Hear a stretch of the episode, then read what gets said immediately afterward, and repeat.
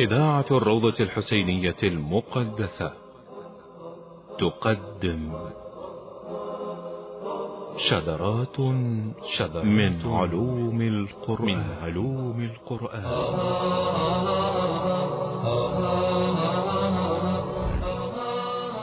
شذرات من علوم القرآن. إعداد وتقديم السيد مرتضى جمال الدين. شذرات من علوم القرآن مونتاج نورة الكربلائي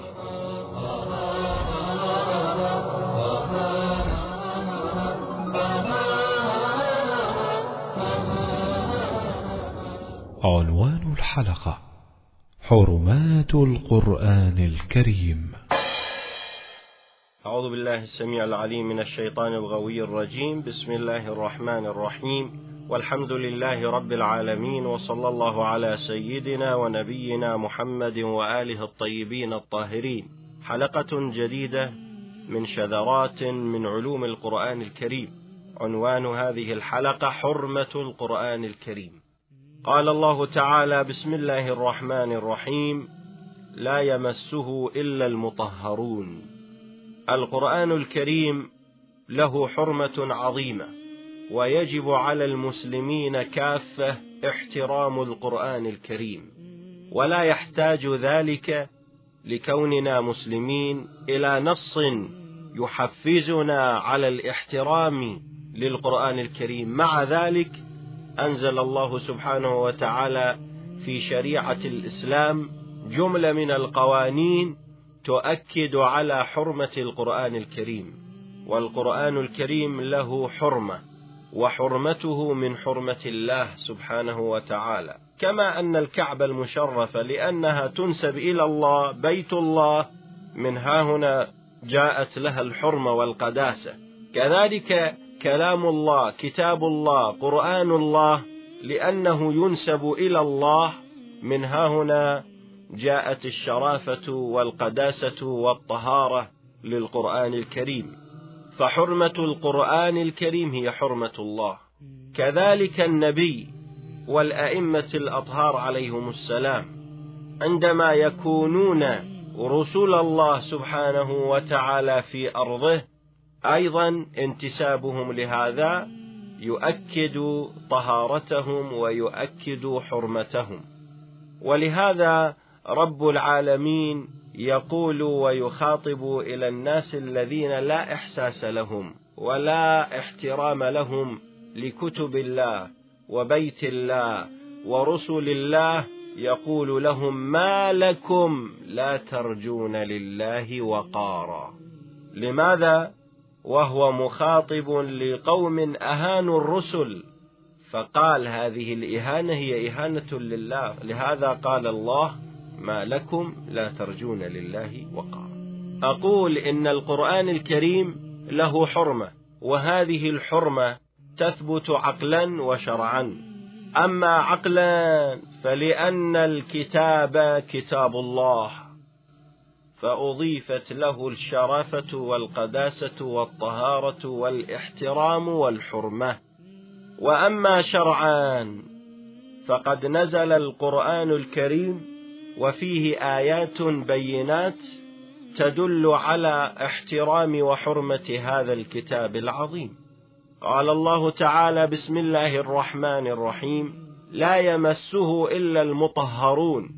هذه العبارة وهذه الآية لها ظاهر ولها باطن. واستشهد بها أمير المؤمنين عليه السلام ظاهرا وباطنا. فلها وجه ظاهر ولها وجه باطن.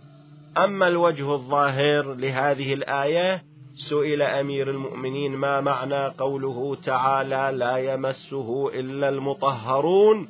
قال لا تقرأوا القرآن إلا وأنتم على طهارة يعني على وضوء. فإذا قرأت القرآن حسب التفاصيل الرسائل العملية والشرائع السماوية. فإذا قرأت القرآن وأنت في الصلاة هنا الوجوب للطهارة. يجب أن تكون متطهر إما بالغسل وإما بالوضوء. وأما إذا كنت تقرأ القرآن من غير صلاة فهنا من باب الاستحباب المؤكد الطهارة والوضوء في قراءة القرآن الكريم. لكن يحرم عليك مس كتابة القرآن الكريم حتى الضمة والشدة. قيل لأن الشدة هي حرف آخر مشدد مضاعف. فالواجب علينا ألا نمس كتابة القرآن بأيدينا ونحن على غير طهارة. فأقول إن من فطرتنا الإسلامية احترام الكتاب وحرمته لكن مع ذلك أنزل الله نصوصا للاحترام وللحرمة لكتاب الله تعالى. فما ذكرت لكم من الآية الكريمة هناك روايات كثيرة تدل على هذا المطلب. منها ما روي عن حبر الأمة ابن عباس رضي الله عنه قال إن لله عز وجل حرمات ثلاث. ليس مثلهن شيء. كتابه وهو نوره وحكمته وبيته الذي جعله للناس قبلة لا يقبل الله من أحد وجها إلى غيره. وعترة نبيكم محمد صلى الله عليه وآله. الرواية في الخصال الجزء الأول صفحة 71 وأخرجها المجلسي في البحار الجزء 92 صفحة 12 إذا الحرمات ثلاث كتاب الله بيت الله عترة نبي الله محمد صلى الله عليه وآله وسلم. وقال الإمام الصادق عليه السلام القرآن أفضل كل شيء دون الله فمن وقر القرآن فقد وقر الله. ومن لم يوقر القرآن فقد استخف بحرمة الله وحرمة القرآن على الله كحرمة الوالد على ولده البحار جزء 92 صفحة 19 انظروا يقول من وقر القرآن فقد وقر الله. ومن لم يوقر القرآن فقد استخف بحرمة الله. يعني إهانة البعض للقرآن هي إهانة لله سبحانه وتعالى واحترام البعض للقرآن هو احترام لله سبحانه وتعالى.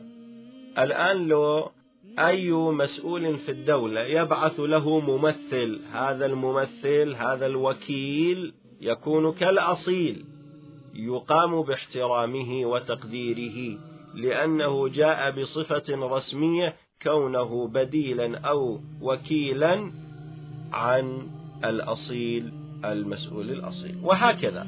فالقرآن الكريم هو كتاب الله سبحانه وتعالى فاحترامنا له احترام لله.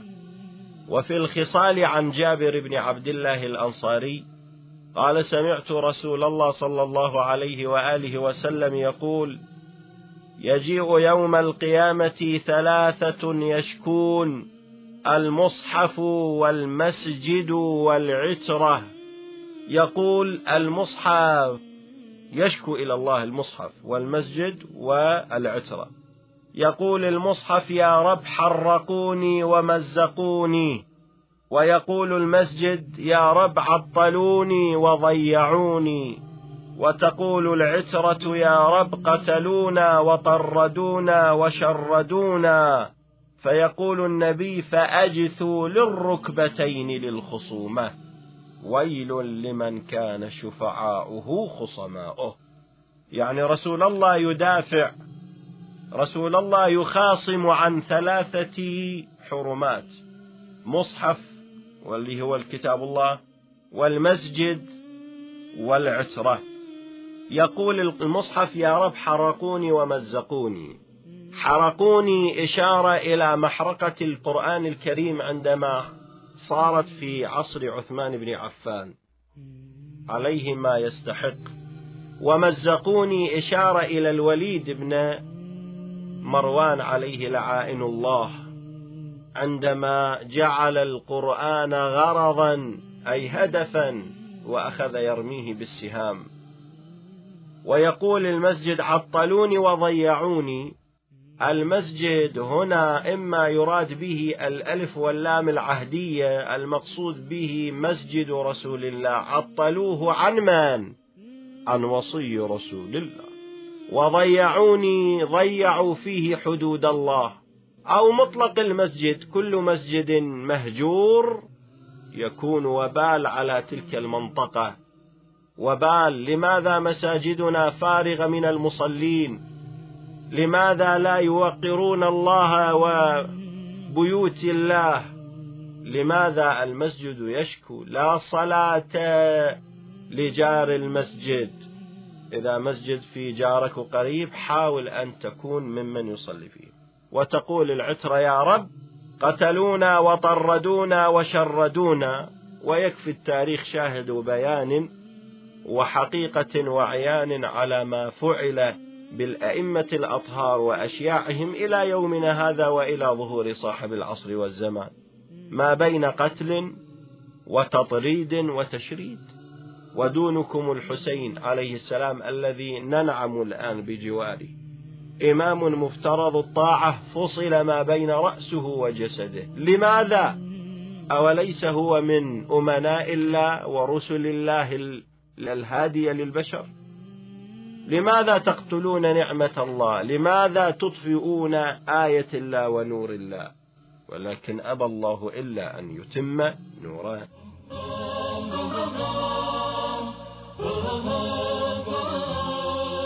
شذرات من علوم القرآن.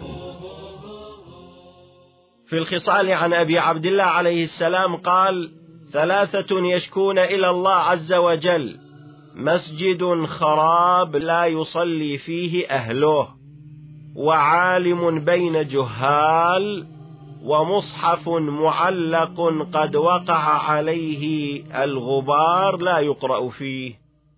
الوسائل الباب الرابع الجزء الرابع الباب عشرين صفحة 855 مصحف معلق وقع الغبار عليه. يا أحبتي بركة القرآن في البيت بركة لكن تأخذ القرآن وتقتنيه. وما في كل سنة تقرأه في شهر رمضان؟ هذا يكون ممن يشكو إلى الله سبحانه وتعالى. فهل المراد جنس القرآن؟ يعني مثل واحد عنده في بيته خمسة مصاحف يقرأ في إحداها. فالمصحف الذي يقرأ فيه طبيعيا أن يكون خاليا من الغبار بينما أربع مصاحف أخرى عليها الغبار. فهو إذا قرأ في هذا المصحف كأنما رفع عنه هذه الإشكالية. وإذا تمسكنا بالظاهر حرفيا فالواجب على كل الإخوة في بيوتهم إذا موجود أربع مصاحف خمسة مصاحف عليهم أن يقرأوا فيها كلها. أحد الإخوة المؤمنين يقول كان لي مصحف هو وراثة عن جدي. مصحف أصفر نعم قديم. حتى المصاحف القديمة ما مرسوم فيها رقم الآية. يقول أتقصد أن أقرأ فيه حتى لا أكون ممن ينطبق علي هذا الحديث. وقع الغبار عليه. وبما أنه مصحف جدي فإني أهدي هذه التثويب وهذه الختمة إلى جدي رحمه الله. أقول جزاك الله خير الجزاء. وصلت جدك من باب صلة الرحم ووصلت الله من باب احترامك للقرآن.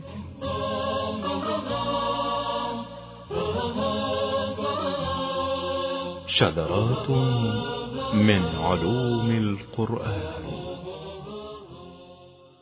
قال النبي صلى الله عليه وآله وسلم من أعطاه الله القرآن فرأى أن أحدا أعطي أفضل مما أعطي فقد صغر عظيما وعظم صغيرا. احترام القرآن لا فقط في الطهارة لا احترام القرآن في النية أنك تجعل القرآن أعظم كل شيء. فإذا واحد أعطي حفظ القرآن أو علم القرآن ويجد أن تاجرا من التجار أفضل منه ويقول لو إني اشتغلت بالتجارة لأصبحت مثل هذا التاجر أحسن من هذا الشغل والتعب والعناء والقراءة فقد حقر عظيما صغر عظيما. وأمير المؤمنين يقول لكميل يا كميل هلك خزان الأموال والعلماء باقون ما بقي الدهر. فالقرآن فيه منجم من العلوم ومن أعطي القرآن فقد أعطي الخير الكثير. طبعا في هذه المناسبة يتداول الآن في أعصارنا أن النساء تطلب في مهرها قرآن وحجة. يعني وهذه المسألة معتادة مسألة يعني شكلية لا بأس. هذا من باب البركة. فالتي تطلب القرآن يجب عليها أن تتواضع لأن التواضع لأهل القرآن أولى. كيف تتواضع؟ تتواضع في مهرها. لا أنها تطلب القرآن لتبين أنها مؤمنة ولكن مهرها غال هذا الكلام ليس موجه للبنات فقط إنما لأهليهن. فتقول مهري القرآن. ثبتوا القرآن وإذا بها تبهض الزوج بمهر غال فالمسمى غير واقع وحاصل والحاصل غير مسمى. هذا إشكال في العقد الشرعي. فالمفروض لما تقولين مصحف تكتفين بذلك أو تقولين مصحف وألف دينار فرضا أو مليونين دينار أو ثلاث ملايين وهكذا. على كل عن الإمام موسى بن جعفر عليه السلام يقول إن الله جواد يحب الجود ومعالي الأمور ويكره سفافها وإن من عظم جلال الله تعالى إكرام ثلاثة ذي الشيبة في الإسلام والإمام العادل وحامل القرآن غير الغالي ولا عنه ذي الشيبة في الإسلام يعني الشيبة الوقور الشيخ والشيخة. من وقر ذا شيبة في الإسلام قيض الله من يوقر شيبته عندما يكبر. فيحترم ذي الشيبة في الإسلام ويحترم الإمام العادل. أكو إنسان مؤمن عادل تقي ورع إماما وغير إمام. يجب عليه أن يحترمه وحامل القرآن يعني حامل مو اللي حامل القرآن في جيبه لا حامل القرآن أي آه، حافظ للقرآن. حامل القرآن أي عامل بالقرآن مو بشرط الحفظ أيضا. غير الغالي غير الغالي شنو؟ يعني غير المتعدي عن علوم القرآن وأوامر القرآن ولا الجافي ولا المبتعد يعني لا إفراط ولا تفريط. وإذا رجع المؤمن والمسلم إلى رسائلنا العملية لمراجعنا الكرام يجد هناك جملة من المسائل الفقهية تتعلق بحرمة القرآن. وإنما أفتى علماؤنا الأبرار حفظ الله الباقين ورحم الله الماضين بهذه الفتاوي لحرمة القرآن إنما لوجود أدلة كثيرة من القرآن والسنة في هذا الباب. انظروا تحريم مس كتابة القرآن على المحدث بالحدث الأكبر. جنابة أو حيض أو نفاس وغيره. عن أبي الحسن عليه السلام المصحف لا تمسه. على غير طهر ولا جنبا ولا تمس خطه. اثنين هذا حرام على المحدث بالحدث الأكبر أن يمس كتابة القرآن. أما كراهة مس المصحف للجنب من غير كتابة يعني الهامش وما بين السطور. الهامش الأبيض وما بين السطور. الأبيض كراهة للجنب أن يمس القرآن الكريم. بينما إذا مسها وهو محدث بالحدث الأكبر هذا حرام. شيمس يمس الكتابة كراهة الفتوى الثالثة. كراهة قراءة ما زاد على سبع آيات للجنب والحائض. عن سماعة قال سألته عليه السلام عن الجنب هل يقرأ القرآن؟ قال ما بينه وبين سبع آيات. كراهة قراءة ما زاد على سبع آيات وحرمة قراءة العزائم للجنب والحائض. العزائم الأربعة الواجبة اللي فيها وجوب السجدة وهي حاميم السجدة وحاميم فصلت وأيضا خامسا وجوب إزالة النجاسة عن ورق المصحف الشريف وخطه بل عن جلده وغلافه. يعني واحد لازم القرآن وإذا به يجرح فتسقط قطرات من الدم على المصحف واجب شرعي فورا أن يزيل نجاسة الدم عن المصحف الشريف كما واجب فوري على المسلم أن يطهر المسجد إذا وقعت فيه نجاسة. سادسا يحرم كتابة القرآن بالمركب النجس يعني بالدم وإحنا سمعنا من غرائب الأمور في عصرنا المنصرم الله لا يعوده في زمن صدام أنه كتب القرآن بدمه النجس عليه وعلى دمه اللعنة. فهو حرام ارتكب محرما. سابعا لا يجوز إعطاء القرآن بيد الكافر خوفا من تنجيسه وإهانته وعدم احترامه. ثامنا يحرم بيع المصحف الشريف على الكافر على الأحوط وجوبا. إلا استدراك هنا إلا إذا كان لإرشاده وهدايته. واحد يريد يشوف شنو القرآن يقرأ حتى يسترشد ويهتدي لا بأس. على كراهة ولكن يباع المصحف الشريف على الكافر ما يجوز. تاسعا لا يجوز أخذ المصحف إلى أرض العدو خوفا من إهانته. الأمريكان عليهم لعائن الله لما دخلوا لا ليس لهم لم يجعلوا لله وقارا ولا لمساجد الله. فلما يقتحمون مسجد يبعثرون المصحف الشريف ويهينوه وأحيانا يدوسونه بأقدامهم. عليهم لعان الله. ففي الحرب يحرم أخذ المصحف إلى أرض العدو خوفا من تدنيسه. كلما بعض الإخوة السواق في سياراتهم سواء الأجرة أو الخصوصي يجعلون القرآن بركة في سيارتهم خو لا بأس. لكن لا يوضع في موضع الإهانة. شلون يعني يوضع في موضع الإهانة؟ بدون قطعة قماش تحفظه من الحرارة ومن التلف لأن هاي الحرارة تذيب جلد المصحف الكريم وتيبس أوراق المصحف وهذه إهانة كبرى. أو يضع القرآن على دشبول السيارة ولكن يضعه ويضع فوقه شيئا من الميداليات أو اللعب أو آه، العطر. هاي إهانة للقرآن.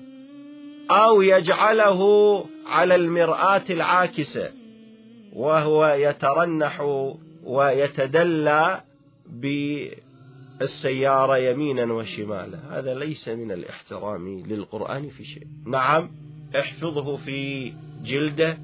احفظه في محفظة. هناك صناديق لطيفة جيد. أو تضعه داخل الدشبول داخل الصندوق داخل الرف الموجود في السيارة حفظا له من الحرارة ومن التلف ومن مس الأيدي. كلما توقر الله وتعظم الله سبحانه وتعالى يوقرك الله ويزيد من حظك في الدارين دار الدنيا والآخرة. ينقل عن الكبراء أن رجلا وجد ورقة فيها لفظ الجلالة متسخة. في الطرقات أخذها ومسحها وطيبها وأرجعها وحفظها في بيته. من جراء هذا زاد الله في رزقه وفي حظه وفي بركاته. فإذا حرمة القرآن الكريم حرمة عظيمة وكبيرة. كذلك حرمة بيت الله وكذلك حرمة مساجد الله. لنرى المسلمين ماذا فعلوا في هذه الحرمات الثلاثة. في عصر واحد يدعى العصر الأموي تجد الحجاج عليه لعائن الله يهدم بيت الله مسجد الله بالمنجنيق. ويأتي ما يسمى بخليفة رسول الله يجعل القرآن غرضا يعني هدفا ويرميه بالسهم ويمزقه. ويقول له أتتوعد كل جبار عنيد؟ هذا؟ استفتح المصحف الشريف يريد يتفاءل وإذا تجي الآية قبال وجهه وخاب كل جبار عنيد. فلهذا امتعظ اللعين. أتتوعد كل جبار عنيد؟ ها أنا ذا جبار عنيد. فإذا جئت يوم حشر فقل يا رب مزقني الوليد. عليك لعائن الله. هو كان عارف أن المصحف يشكو لله يوم القيامة وسامع هكذا رواية لكن سماعا فقط وليس إيمانا. مثل آباء وأجداده فوالذي يحلف به أبو سفيان؟ منه ما يريد يقول باللات والعزى؟ مثل أحفاده وأجداده يزيد عليه فلا خبر جاء ولا وحي نزل. ينكرون وجود وبعث الرسول صلى الله عليه وسلم. أما المصحف الشريف فلما جمع عثمان المصاحف كي يدون المصحف الأم جمع المصاحف اللي كتبوها الصحابة من فم رسول الله. إن شاء الله نأتي تفصيلا عليها في باب التاريخ. ووضع لها مرجلا وحرقها حتى اسودت سماء المدينة آنذاك. ويجي أحدهم يبرر ويضع حديثا موضوعا على أمير المؤمنين عليه السلام أن عثمان لم يصدر هذا الأمر منه عن رأيه بل استشار في ذلك علي بن أبي طالب. عجيب يعني. يعني يسوي الفاحشة ويسوي المنكر ويريدون أن يشركوا فيه عليا ويريدون أن يبرئون صاحبه من هذا. هذا مشكل.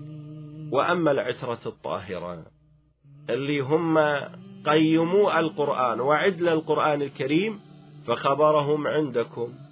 أمير المؤمنين ضرب في المحراب الحسن اغتيل بالسم الحسين قطع رأسه وأهدي رأسه إلى بغي من بغايا بني أمية وهو يزيد عليه لعائن الله. السجاد مسموم الباقر مسموم الصادق مسموم الكاظم مسجون ومسموم الرضا مسجون ومسموم الهادي العسكري إلى أن غيب الله سيدنا ومولانا. الإمام المهدي عجل الله تعالى فرجه الشريف إنما قلت أن الرضا مسجون أقصد فيها الإقامة الجبرية من قبل بني العباس عليهم لعائن الله. إذا أحبتي القرآن الكريم هو بما أنه ينسب إلى الله فاحترامنا له لأنه يستحق الاحترام أولا وبالذات ثانيا لأنه ينسب إلى الله فعلينا احترامه. وفقنا الله وإياكم بأن نوقر الله سبحانه وتعالى ونوقر كتبه ورسله وأمناءه وخلفاءه وملائكته ودينه وشرائعه. ما بقينا وما حيينا إلى أن يرث الله الأرض ومن عليها وفقنا الله وإياكم لكل خير ببركة محمد وآله الطيبين الطاهرين. والسلام عليكم ورحمة الله وبركاته. قدمت لكم إذاعة الروضة الحسينية المقدسة.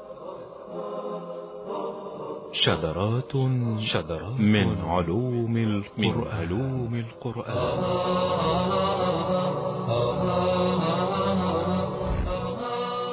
شذرات من علوم القرآن.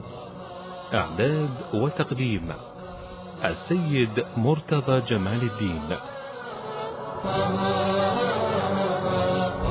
شذرات من علوم القرآن. مونتاج. نورس الكربلائي.